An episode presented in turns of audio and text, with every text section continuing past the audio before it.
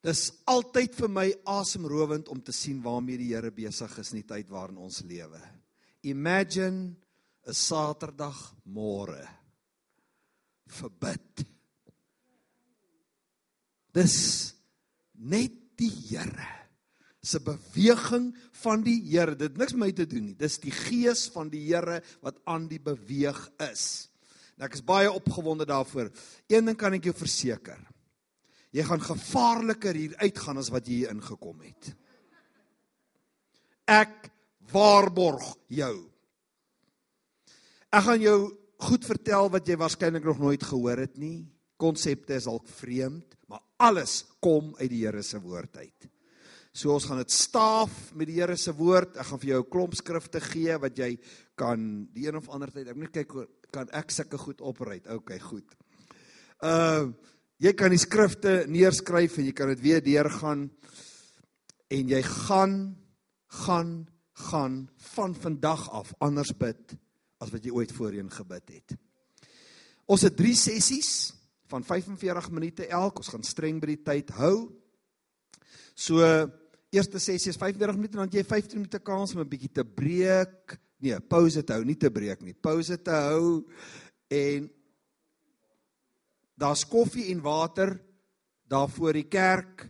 Jy kan daar 'n draai maak, jy kan jou draaitjies loop, jy kan net 'n bietjie verwerk wat jy gehoor het. So ek gee jou net daai breek en dan uh, in die eerste sessie gaan ek met jou praat oor die geheim van middernag gebed. In die tweede sessie gaan ons praat oor die vier sirkel en in derde sessie gaan ek praat oor hoe hoor 'n mens die Here se stem.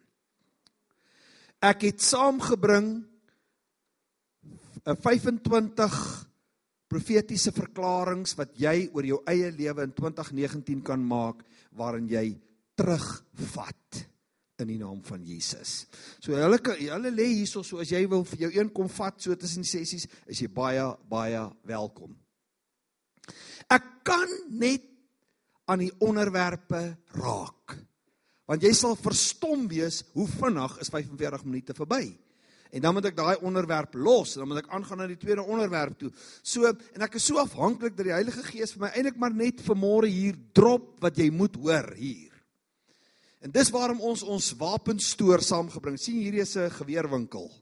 Is 'n wapenstoor. Hy's vol gevaarlike wapens en vol ammunisie. So as jy voel dat hierdie goed spreek jou aan en jy wil regtig meer weet hiervan, dan kan jy draai by ons tafel maak. Ons het 'n opdrag by die Here gekry om dit beskikbaar te maak en ek wil jou sê ek weet nie of jy nog in enige boekwinkel 'n boek vir R40 kan koop byvoorbeeld nie. So hierdie goed cover omtrent die cost sodat jy net kan hierdie goed 'n deel van jou lewe maak.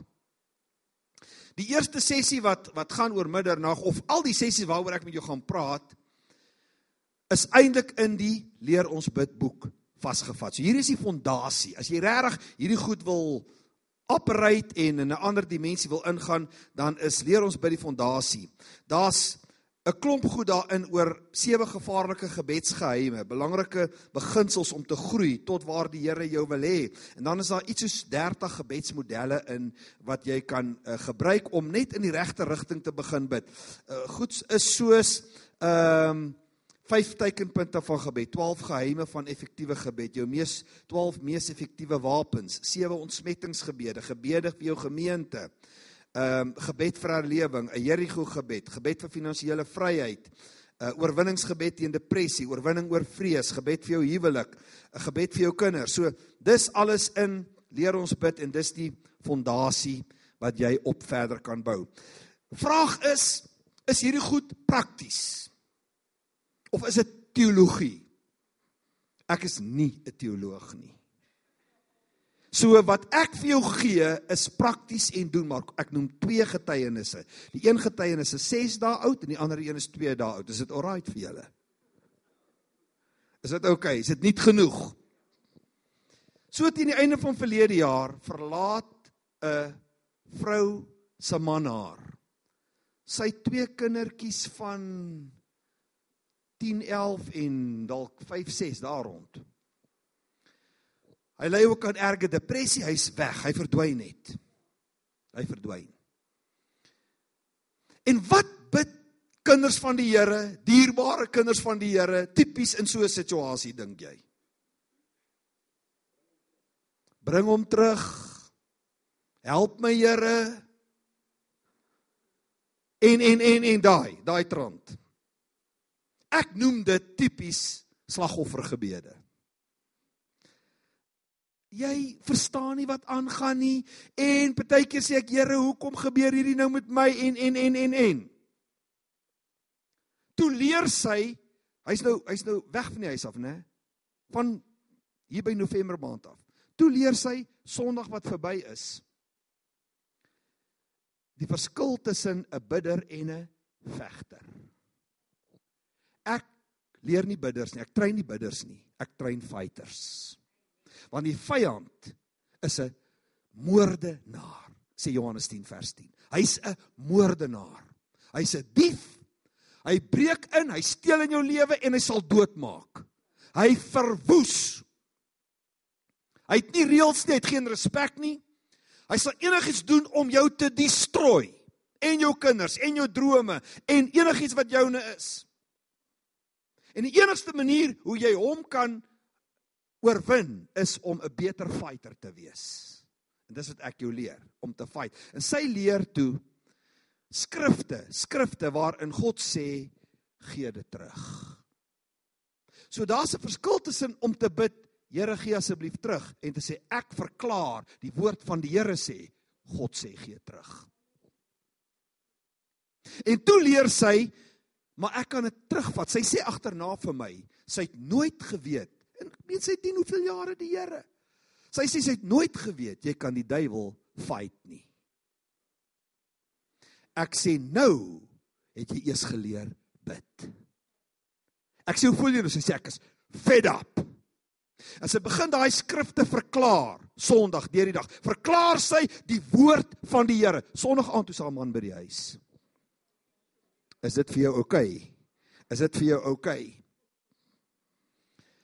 Ons het pas 'n konferensie gehad van 3 dae Dinsdag, Woensdag en Donderdag. Dinsdag aand gooi 'n vrou 'n uh, wonderwerk briefie in die wonderwerkhouer en sy maak verklaringe daaroor oor haar wonderwerk. Sy maak verklaringe oor haar wonderwerk.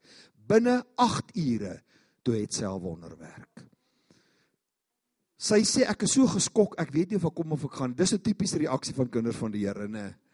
Jy bid maar jy verwag nie regtig. Terwyl as jy die woord van die Here verklaar, is daar geen onsekerheid nie. Dit sal so wees want die Here gaan sy woord hou. So, dis die goed wat ek graag met jou wil deel en ek dink dis baie baie belangrik want ek dink ons lewe in moeilike tye. Dink nie ek sal ver verkeerd wees as ek jou 'n kans moet gee om te vra en ons gaan uitvind 'n klomp van julle is op die oomblik in 'n oorlog. En ek dink nie ek gaan verkeerd wees as daar 'n klomp van julle is wat vermore amper desperaat is. Dalk oor jou kinders wat nie die Here wil dien nie. Dalk oor 'n finansiële omstandigheid. Dalk 'n werksituasie. Dalk het jy nie eers 'n werk nie. Dalk 'n siekte toestand. Daar's drome word konstant verpletter teen die rotse van teenkanting aanvalle, bose aanvalle. Daarom is mense desperaat. Ons lewe in 'n gevaarlike land. Ons lewe in gevaarlike tye. Gister hoor ek van 'n ouetjie wat gekaap is op 'n hoofweg by 'n uh mobile one engine one stop deur metropolisielede. Kar uitmekaar het hulle wou hom doodmaak. Hulle wou hom doodmaak en toe het die trekker helikoptere het hulle weggejaag en toe hulle saak wil maak toe sê die polisie ons kan niks daaraan doen ons weet nie wie hulle nie dis waar ons is soos jy nie weet hoe om jou en jou huis te beskerm nie jou alarmstelsel gaan nie vir jou help nie jy het die vuur van die Here nodig want hy kan nie deur die vuur kom nie ek gaan jou vertel hoe daai werk Psalm 61 vers 3, ek weet nie of ek alles ja. Psalm 61 vers 3 sê when my heart is overwhelmed, lead me to the rock that is higher than I. Ek vat jou vanmôre hoër as jou omstandighede. Ek vat jou hoër as jou vrese. Ek vat jou hoër as jou bekommernisse. So, wat gaan jy hier uit kry vanmôre? Jy gaan hier uitstap en jy gaan dadelik, al vat jy net hierdie verklaringe, gaan jy hierdie verklaringe vandag begin maak en dadelik verandering begin sien. En ek sê dit uit honderde getuienisse. Ons het oor die 3000 gebedsarende. Ek kry elke dag getuienisse van mense wat sê my lewe het verander vandat ek reg begin bid. Wonderwerke is dan algemeen. Deurbrake gebeur algemeen. Daar's hoop vir môre na gister se mislukkings. Dooie drome kan opgewek word. Imagine dat mense woon 'n 'n reboot by wat vir jare vervreemd was van hulle kinders. Binne 'n week is hulle versoen met hulle kinders. Dis die soort stories wat ons hoor. Dis die goed wat gebeur. Die Here red nog jou verlore kinders. Hy red hulle nog, hy bring hulle in. Die Here maak stikkende lewens nuut. Die Here genees nog. Mense word gesond. By die derde sessie behoor die Here se stem word môre word mense gesond terwyl hulle net in die teenwoordigheid van die Here inkom. So die laaste sessie gaan ons net 'n bietjie in die teenwoordigheid van die Here ingaan. En dan gebeur daar asemrowende goed. So, ek sit vanmôre sleutels in jou hand. Dis goed wat jy vandag alreeds kan gebruik, want die woord van die Here verklaar wat jy oopsluit sal oop wees en wat jy toesluit sal toe wees. So who is calling the shots then? Who is calling the shots? Die duiwel? Jou omstandighede? Die berg waarvoor jy staan, die Goliat wat jou bang maak, die Herodes wat jou in kettinge wil hou? Is dit hy? Die Farao wat jou destiny wil doodmaak, is hy die een wat die shots van jou lewe kol of sê hierdie skrif jy besluit? As jy oop sluit, is dit oop. As jy toesluit, is dit toe. So wat ek uitgevind het in Reboot en kom ek sê jou wat oor die land gebeur. Volgende Saterdag is ons in Woester.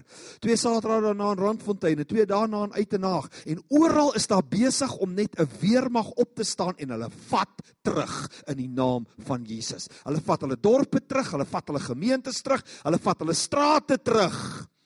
Hulle vat hulle kinders terug, hulle vat hulle finansies terug, hulle vat hulle huwelike terug en dit gebeur. So, daar's 3 sleuteltekste wat ek met jou mee wil begin. 3 sleuteltekste. Die eerste een is in Lukas 11 vers 1 waar die disippels na die Here toe kom en hulle vra 'n kritieke vraag. Hulle sê: "Leer ons bid." Nêrens aan. Hulle vra hom nooit leer ons preek nie. Leer ons worship nie. Leer ons hoe doen 'n mens wonderwerke nie. Hulle vra hom een kritieke vraag: "Leer ons Wat sê dit vir jou? As jy nie leer bid nie, kan jy nie bid nie. Dis sy disippels hierdie. Hulle bly saam met hom elke dag. Hulle lewe saam met hom. Hulle sien die goed gebeur. Hulle kyk na hom. Hulle kyk na sy lewe. Hulle sien as hy bid, gebeur daar goed. As hy van die berg af kom, gebeur daar wonderwerke. As hy by sy vader was, onthou jy het gesê ek doen niks wat ek nie my vader gehoor en gesien doen dit nie. Dan doen ek dit. So waar kry dit? In sy bidtyd hoor hy en sien hy, dan kom hy en dan doen hy wat hy gehoor en gesien het. En die disippels kyk na hom en hulle sê, "Wo, wo, wo, ons is nie daar nie." En hulle vra hom hierdie vraag: "Leer ons bid." En dis die opdrag wat die Here my gegee het. Jy weet, ek het maar gehuil soos al die ander pastore. Here, die mense wil nie bid nie. Soos daar in die Botha hier kry, Here, dan's die kerk vol, Here. En as ons wil bid, is daar niemand nie. Kyk nou net vanmôre hier. Kyk nou net. Ons het nie meer ek's baie lief vir daan die boot aan hy doen 'n asemrowende werk. So verstaan my mooi, maar jy het nie hom nodig nie. As jy begin bid. So. Dis die opdrag wat ek het is om jou te leer bid. Gaan jou vertel hoe. Die tweede kritieke skrif is in Jakobus 4 vers 3. Julle het nie omdat julle nie en julle ontvang nie omdat julle verkeerd bid en dis 'n skokkende stelling. Want dit beteken jy kan bid en bid en niks kry nie want jy bid verkeerd. Dis vreeslik. Dis vreeslik. Jy bid en bid en bid en jy kry nie resultate nie en nou is nie deurbrake nie. Hoeveel van julle bid al jare vir 'n ding? En dit het nie gebeur nie. Why? Omdat die Here nie gebed antwoord nie of wat? Jakobus sê jy moet leer reg bid. Die volgende teks is amper nog meer kritiek belangrik is in Jakobus 5 vers 16 en ek haal dit in Engels aan omdat dit so mooi uit die King James sê vat hom eintlik vas want Jakobus 5 vers 16 is die vier beginsels wat die Here my gegee het om met jou te deel. Dis die vier sleutel pinkode. Jy weet hoe belangrik is 'n pinkode as jy voor die ATM staan. Nee. Nee, jy weet hoe belangrik is hy. En hoe ouer jy word, die Here help jy moet net een pinkode hê want anders En dit help nie staan voor hy ATM en jy drie van die vier reg nie. Hæ? Jy kan maar koortjies sing. Jy kan maar skrif quote. Jy kan maar sê ek dien jare die Here. Daai ATM voel niks vir jou nie. Hy soek die vierde syfer. En dis wat ek ontdek het. As jy nie die vier syfer pinkode insit, jy bly als toe. Jy kan vir ATM sê, "Weet jy ek het 'n miljoen rand aan die bank. Weet jy met wie jy te doen?" Dink jy sal luister? pincode. Hier is die pincode vir effektiewe gebed in James 5:16. Hy sê the effective fervent prayer of a righteous man avails much. Eerste sleutel, righteous man. Eerste sleutel, right standing with God. Niks van wat jy vanmôre leer gaan werk as jou verhouding met die Here nie reg is nie. Vergeet dit. Vergeet dit. Hierdie is nie 'n resepie en jy kan hom gaan doen en nou wil jy 'n koek hê nie. The right standing with God. Jou verhouding met die Here as 'n goed in jou lewe is wat nie reg is nie, gee dit die duiwel 'n wettige reg om jou antwoord terug te hou. Hy aborteer jou deurbraak want hy het 'n wettige reg om dit te doen, maar ons goed in jou lewe wat nie reg is nie. Hy weerhou jou seën, hy weerhou jou oorwinning, hy weerhou jou deurbraak want hy het 'n wettige reg op jou lewe kry jou lewe reg. Bid Psalm 51 amper elke dag want dis die Here se laundry. Hy was jou skoon. Psalm 51 eh, jy gaan deur die loop van die oggend hoor jy moet 'n gebedsjoernaal hê. As jy regtig ernstig is met gebed, het jy 'n gebedsjoernaal. En daarin journey jy jou reis by die Here wat jy skryf neer wat die Here sê dat jy dit kan terug na toe verwys. Jy skryf jou versoeke neer, jy skryf jou oorwinnings neer sodat jy kan teruggaan die skrifte wat die Here jou gee. Maar reg voor na joernaal moet Psalm 51 wees. En jy weet hoe werk 'n mens met die woord van die Here? Jy sit jou naam daarin. Jy maak dit persoonlik. Daai Psalm, veral as jy die message lees, vat Psalm 51 in die message. Een van die verse sê hy in die message shape a Genesis week in the chaos of my life. Imagine as jy begin bid, Here, skep in my lewe soos een Genesis uit wanorde orde geskep het. Bring goed weer in lyn. Bring goed weer in plek. Jy begin daar. Effektiewe gebed begin daar. No excuses. Niks van wat ek jou vandag vertel gaan enigsins enige ding verander in jou lewe as dit daar begin nie. Die tweede ding is effective prayer. Baie belangrik dat Jakobus sê effective prayer. So daar's gebed wat nie effektief is nie, julle. Daar's gebed wat nie effektief is nie. Ek meen, as jy te doen het met 'n uh, jy jy's in 'n oorlogssituasie en jy's een op een met 'n soldaat teen jou kan jy hom skiet met jou geweer jou geweer is effektief. Maar as daar 'n tank teen jou kom, gaan jou gun jou niks help nie. Nou het jy 'n missile nodig. As 'n vliegtyg teen jou kom, gaan daai jou nie help nie. Nou het jy lugafweerwapens nodig. Effektiewe wapens. Ek het ontdek dat daar vir spesifieke situasies spesifieke beloftes is met spesifieke gebede. As jy dit nie weet nie, gaan jy nie effektief wees nie. Ek gaan jou vertel hoe werk dit. So, this righteous man effective en die derde sleutel is fervent. En daar hou ek vir die Afrikaans wat sê die vurige gebed. Die vurige gebed. Passievolle heilige gees vuur gedrewe gebed. 'n gebed wat vuur veroorsaak dis wat jy nodig het. As jy hom bid gebeur daar goed. Dis wat dit beteken. En dan sê hy avails much. Die Afrikaans sê weer mooi hy sê het groot krag As jy hierdie bid so, as jy hierdie goed gaan gebruik wat ek jou vandag gee, breek jy deur elke hindernis wat daar is. Daar's sommige van julle wat vanmôre hier sit wat binne 7 dae jou antwoord gaan hê. Daar's sommige van julle wat hier sit wat binne 21 dae antwoord gaan hê. Onthou jy Daniël se gebed 21 dae? 21 dae. Daar is sommige van julle wat hier sit wat binne 24 uur 'n antwoord gaan hê. As jy hoor wat sê die Here, dis nie wishful thinking nie julle. Jou getuienis is volgende. Jou getuienis is die volgende wat ek gaan hoor. Jy gaan my laat weet wat het die Here vir jou gedoen. So, ek wil jou twee verdere sleutels gee vir jou deurbraak. Uh nee, wag, eers terug. Twee verdere sleutels vir jou deurbraak. 1 Die eerste sleutel wat jy nodig het om skatkamers en ehm um, slotte oop te sluit. Hy sluit slotte oop is 'n aktiewe geloof in die woord van die Here. 'n Aktiewe geloof. Aktiewe geloof beteken nie met jou verstand glo nie. Dis 'n aksie geloof. Jy sit die woord in aksie. Die woord werk vir jou. So dis nie ek glo dit nie, ek verklaar dit. Dis die verskil. Met jou kop glo jy dit, met jou mond verklaar jy dit.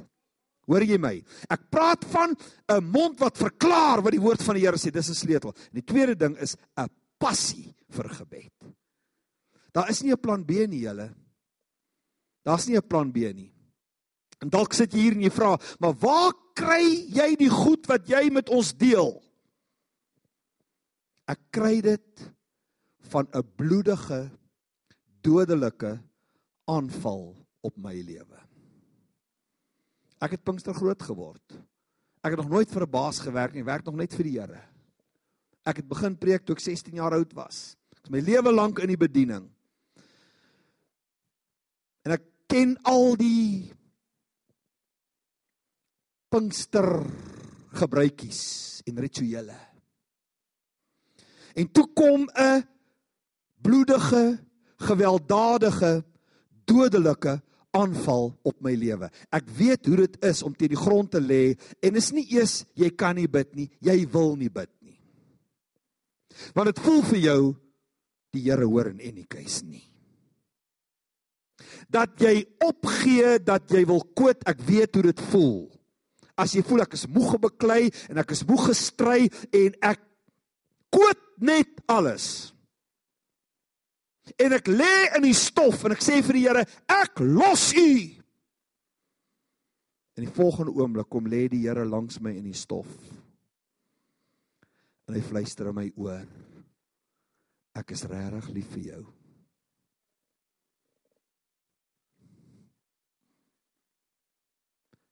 Ek tel jou hier op. En ek sal nooit weer toelaat dat die vyand so naby aan jou kom nie. En die Here het dit gedoen. En ek sê vir die Here, "Oké okay, Here, dis nou baie nice, maar hoe gaan u want ek weet dan gaan maar weer 'n aanval kom." Die duiwel verloor nooit moed met jou nie. Hy gee nooit op nie. Hy het altyd 'n volgende strategie in plek. Hoe Here, hoe gaan ek? Hy gaan, hy gaan weer my aanval. Hoe gaan ek dit afweer? En die Here sê, "Ek sal jou leer bid. En die Here vat my in 'n geheime arsenaal in vol onkonvensionele wapens waarvan ek nog nooit gehoor het nie. Nog nooit in 'n boek gelees het nie, nog nooit 'n preek van gehoor het nie, nog nooit enige ander plek ontdek het nie, ontdek ek daar in die Here se geheime arsenaal en die Here sê: "Maar jy moet dit deel. En hier is ons, ek en my vrou, ons doen hierdie verniet. Want niemand moet ooit kan sê ek kon nie gaan leer nie want ek het nie die geld gehad nie. Niemand. Jy moet nie 'n verskoning hê nie. As ons volgende week Woester toe gaan, gaan ons op ons eie koste en ons bly op ons eie kos, vra niemand niks. Want hierdie is beloning genoeg. Hierdie is beloning genoeg. As 'n sleutelteks in dink ek het hom Daniël 2 vers 19. Ek gaan hom gou vir jou lees. Daniël 2 vers 19. Hy, dis God, openbaar ondeurgrondelike en verborgde dinge. Hy weet wat in die duister is en die lig woon by hom. Ek dink die nuwe lewende vertaling wat sê toe is die geheim aan Daniël geopenbaar in 'n nagtelike visioen en Daniël het die God van die hemel geprys vers 22 wat ondeurgrondelike en verborgde dinge openbaar en wat weet wat in die duisternis is. Die nuwe lewende vertaling sê hy openbaar geheime wat diep weggesteek is. Hy weet wat in die donker gebeur. Daar is die sleutel. So ek het nou 15 minute en ons eerste sessie verby. So in 15 minute moet ek jou die geheim van middernag gebed vertel. Is jy reg? Jy moet jou sitplek gordel vasmaak. Goeie nuus is as jy as as jy nou want soos ek sê ek kan net inlei maar ek het 'n boekie geskryf oor die geheim van middernaggebed wat jou vertel. Hoe berei 'n mens voor vir 'n middernaggebed? Wat kan jy verwag gaan gebeur as jy middernag bid? Waarvoor bid 'n mens in die middernag? Ek gee ook vir jou 'n klomp prayer bullets daarin oor die middernaggebed. Hy is op die tafel as jy hom wil hê. Die geheim van middernaggebed. Niemand my ooit dit vertel nie. Een van die heel kragtigste wapens wat skokkende resultate lewer is middernaggebed. Jy behaal deurbraak as jy middernag bid wat jy op geen ander tyd van die dag gaan behaal nie. KetTINGS val los middernag wat nêrens anders sal losval nie. Ek verduidelik vir jou presies in die middernagboekie wat is middernaggebed. Maar kom ek gee jou 'n paar sleuteltekste. En die eerste een is Matteus 13 vers 25. Hy sê Hy praat van die gelykenis van die saaier. Hy sê maar terwyl die mense slaap, het sy vyand gekom en onkruid onder die koring gesaai en weggegaan. En toe die spruitjies opgeskiet en vrug gevorm het, toe verskyn die onkruid ook. Wanneer word die saad gesaai? In die nag terwyl jy slaap. Wanneer is jou diepste slaap? Tussen 12 en 3. Hoekom werk die bose rjalm, so sataniste en hulle kous al daai goed, wanneer werk hulle? 12 tot 3. Wanneer doen hulle daai bose rituele? Wanneer vind daai bose programmering teen jou lewe plaas? Wat sê Matteus 13 terwyl jy slaap, want dan is jy nie weerbaar nie, né? Nou saai hy daai saad. So wat sê dit vir jou? Daar vind bose programmering teen jou lewe plaas daar. Bose planne word in jou gemaak. En nou sê die Bybel jy weet dit nie eers nie. Want jy weet nie as daar saad gesaai is nie. Wat sê hy? En dan op 'n dag sien jy hier kom nou goed in jou lewe op wat jy nie daar wil hê nie. Jy wonder waar kom dit vandaan? Ewe skielik begin goed in jou lewe skeefloop. Ewe skielik is goed net nie meer soos dit moet wees nie en jy wonder, waar kom dit vandaan? Daar's ander skrifte wat jy daar kan bygee. Ek gaan 'n klomp van hulle oorslaan soos daai een, gaan ek oorslaan en Johannes 10 ken jy, nê, die dief kom net om te steel en te slag en te verwoes, hy gaan oorslaan. Ek gaan jou twee voorbeelde gee van hoe middernag gebed werk. En die eerste een wat ek jou wil gee is daar. En julle almal ken die stories, die uittog van Israel uit Egipte uit. Hulle was slawe. Hulle was slawe. Hulle was slawe. Hulle is nie waar hulle moet wees nie. Hulle is nie by die plek waar hulle moet wees nie. Hulle is nie in die erfporsie wat die Here vir hulle bestem het nie. Dan hulle kry swaar. Dit gaan sleg met hulle. Jy kan die storie gaan lees. Gaan sleg met hulle. En dan roep hulle na die Here. Hulle roep na die Here. Dis 'n geheim. En die Here antwoord. Hy sê ek het hulle geroep, gehoor. Die Here antwoord gebed. En dan sê die Here uiteindelik aan die einde van die hele verhaal van die plaas sê die Here wat julle nou moet doen is vannag slag julle 'n bokkie. En smeer die bloed aan die deurkosyne want ek gaan deur is Egipte trek wanneer middernag gaan ek deur Egipte land trek en dan sal julle vry wees. En julle moet klaar maak want in dieselfde nag nog gaan julle uit. Dis 'n verstommende storie daai. En God self introduce die geheim van middernaggebed in Eksodus. Wat het gebeur? Slawerny word omgekeer in jou vrymaking. Jy stap uit waar jy vasgehou was vir so lank al. Jy gaan na jou belofte beloofde land toe. Jy stap in jou destiny in en jy gaan nie leë hande eers daar uit nie want hulle het die silwer en die goud van Egipte saamgevat. Jy gaan nie leë hande uit nie. So wat gebeur middernag? Middernag verval die mag van Farao in jou lewe. Wat doen Farao? Hy beroof jou van jou goddelike destiny. Hy hou jou weg van die beloftes wat die Here vir jou lewe het. Hy wil jou drome aborteer. Hy wil jou in kettinge hou want toe Farao hoor wat die Here doen, het hy hulle laste net swaarder gemaak, net swaarder gemaak. Hulle het net swaarder gekry. God sê genoeg is genoeg. Wat gebeur as jy middernag begin bid? God sê genoeg is genoeg. Jy trek uit. Hoekom dink jy sê die Here middernag sal ek dit doen? Hoekom sê hy nie net die vannag sal ek nie? Hoekom spesifiseer hy middernag gaan ek deurtrek? Is daar 'n geheim in middernag? Kom ons gaan kyk wat sê die Nuwe Testament daaroor. Ons gaan kyk wat sê die Nuwe Testament daaroor.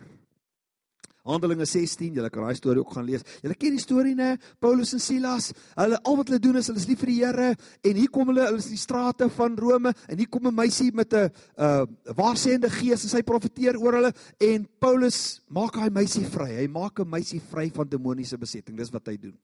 En nou is haar baas baie kwaad want sy het geld vir hulle verdien met fortuin verdel. Dis eintlik wat sy gedoen het. En hulle baas is baie kwaad en hulle laat die owerhede kom en daar was Romeinse professionele bendes wat daai goed gehanteer het. Nou kom hulle en hulle neem Paulus en Silas gevange. Slaan hulle met swepe, is riem met stukkies ehm um, yster inslaan hulle hulle. Hulle trek hulle kaal uit. Daar in die openbaar, trek hulle kaal uit, slaan hulle half dood. Baie mense het onder daai aanranding al klaar gesterf. Sleep hulle oor daai klipprige strate. Gooi hulle in 'n gat in die grond, want dis hoe 'n Romeinse tronksel gelyk het. Onder, want die Bybel sê onder. Hulle gooi hulle diep onder in 'n gat. Spalk hulle oop, so. Pyn. Daar's nie vensters en toilette nie. Baie mense is dood in daai gate. Kan jy dink hoe ryk dit daar? Kan jy dink hoe lyk dit daar? Dis ek moet baie keer daai daai prentjie vir jou skilder anders verstaan jy nie. Die ontlasting van mense. Als is daar net oor hulle die Here liefhet. Wat bid 'n mens? Wat bid ons gewoonlik as ons daar kom? Help my uit. Ek dink hulle sê vir mekaar, hierdie is nie die moeite werd nie. Al wat ons doen is ons dien die Here, dis al. Of hulle sê Here, hierdie is nie fair nie. Het jy dit al gebid? Was dit net ek baie keer? Hierdie is nie fair nie. Of ons sê, Here, vernietig hulle. Nee. Paulus en Silas doen iets anders. Ek gaan gou-gou vir jou lees dat jy verstaan, dan gaan hierdie sessie klaar wees. Uh, Handelinge 16.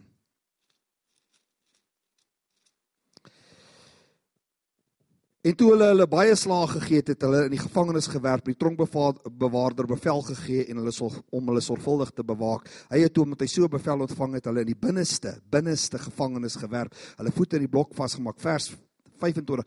En omtrent middernag het Paulus en Silas wat gedoen? Sê weer begin sing. Jy het dit reg en jy het dit verkeerd. Want Dis hoe julle in julle preke hoor. Al die preke wat julle sê Paulus het dat lofliedere gesing. Dis verkeerd. Dis nie wat die Bybel sê nie. Hulle het gebid en lofliedere gesing. Hoekom laat ons nie die belangrikste deel weg? Nou goed. Wat onthou nou, dis die situasie waarin hulle sleg man, dit gaan sleg. Hulle weet nie gaan hulle lewendig uitkom nie. Hulle familie weet nie waar is hulle nie. Daar's hulle. Paulus en Silas bid, maar hulle bid, laat hulle sing. Nou vra ek, wat bid jy in daai omstandighede wat jou laat sing? Want dis nie natural nie. So as jy dan gebid, ag Here, dit help nie om dit te doen nie. O Here, wat? O Here, voel jy beter as jy so gebid het, julle? Slagoffer. Slagoffer. Slagoffergebede verander niks nie. Jy voel net slegter as jy klaar gebid het. Slagoffergebede. Hulle bid sodat hulle sing. So wat bid jy wat jou laat sing in daai omstandighede? Ek dink in die eerste plek het hulle die geheim van middernag geken. want hulle het die skrifte geken. Hulle is opgelei in die skrifte. Paulus was 'n fariseer aan die voete van Gamaliel. Hy ken die skrifte. Hy weet van die uittog. Hy weet Dawid sê in Psalm 119, middernag staan ek op en sing lofliedere vir die Here oor sy woord. Hy ken die storie. So dalk nou vul ek hier in. Ek het drama geswat so ek mag. Ek vul 'n bietjie in daar. Nou sê Paulus en Silas, nadat hulle dalk aanvanklik ook sê, ja, sê hulle, okay, okay, wag, wag, is nou is nou amper middernag, want hoe weet hulle dis middernag want it's changing of the guard. Die Romeinse wagbeurte 6 tot 9, 9 tot 12, 12 tot 3 en 3 tot 6. So 12 uur weet hulle as die wagte ruil, dit is nou midnight. En ek dink Paulus sê, "Wow, wow, wow, wow, wow, kyk, is midnight." Wat doen die Here as dit middernag is? Kom ons dink aan die uittog uit Egipte. Wat doen die Here middernag? So, okay, wat kan ons declare oor hierdie situasie vir ons middernag? Wat kan ons declare? En ek dink hulle verklaar iets soos Psalm 34 vers 7 en 8. En ek gaan weer vir jou die ek weet nie of ek hom daar het nie nee. Psalm 37 34 Psalm 34 vers 7 en 8 ek weer die message lees. Hy sê Dis Psalm 34 vers 7 en 8 When I was desperate I called out and God got me out of a tight spot. God's angel sets up a circle of protection around us while we pray. Dink jy ou kan so iets bid as jy daar is? Dink jy hulle is in 'n tight spot? So dink jy hulle kan sê, "Oké, okay, hier is 'n tight spot. Wat sê die Here se woord oor my tight spot? Ek gee jou geheim. Die eerste ding wat jy vra is, Nie Here, hoekom is ek in die tight spot en Here, haal my uit die tight spot nie. Die eerste ding wat jy vra is, Here, wat sê u woord oor my tight spot? Dis 'n sleutel. Dis 'n geheim. Die eerste ding wat jy doen, Here, wat sê u woord oor my tight spot? En hulle kon, hulle kon iets soos Psalm 34 vers 7 en 8, want as jy dit sou bid, Here, ons is desperaat en ons roep uit na U, maar Here, ons weet, U haal ons uit enige spot uit. En ons weet terwyl ons bid, is die engele van protection around us. So ons is nie in hierdie Romeine se hande nie. Ons is in die Here se hande. En hierdie engele is rondom ons, hulle kan niks ons doen nie. Wat sê die Bybel nou? Kyk wat gebeur volgende. Gaan gou terug Handelinge 6 nou 2 minute.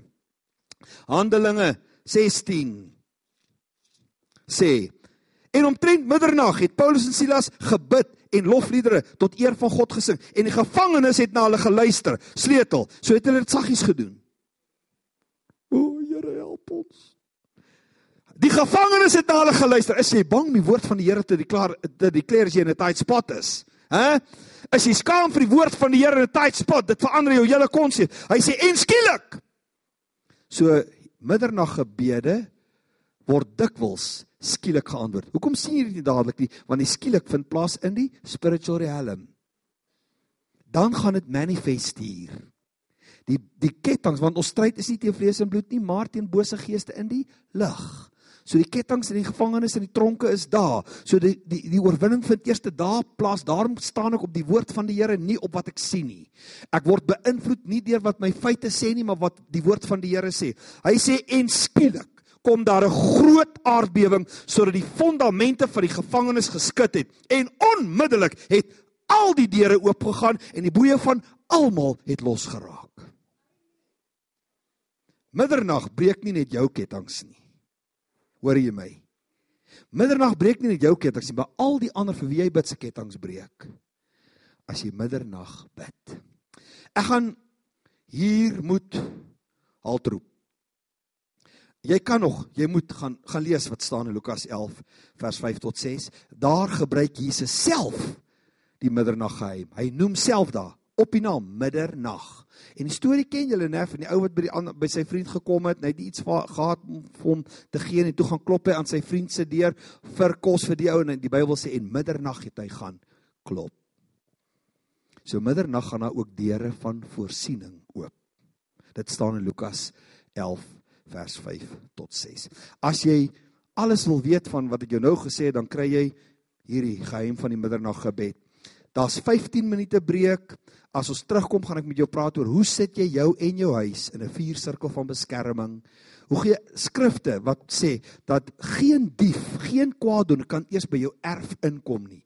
Die Here se woord sê so. Jy kan dit verklaar. So ons gaan daaroor praat in die tweede sessie en dan doen ons die derde sessie hoor die Here se stem.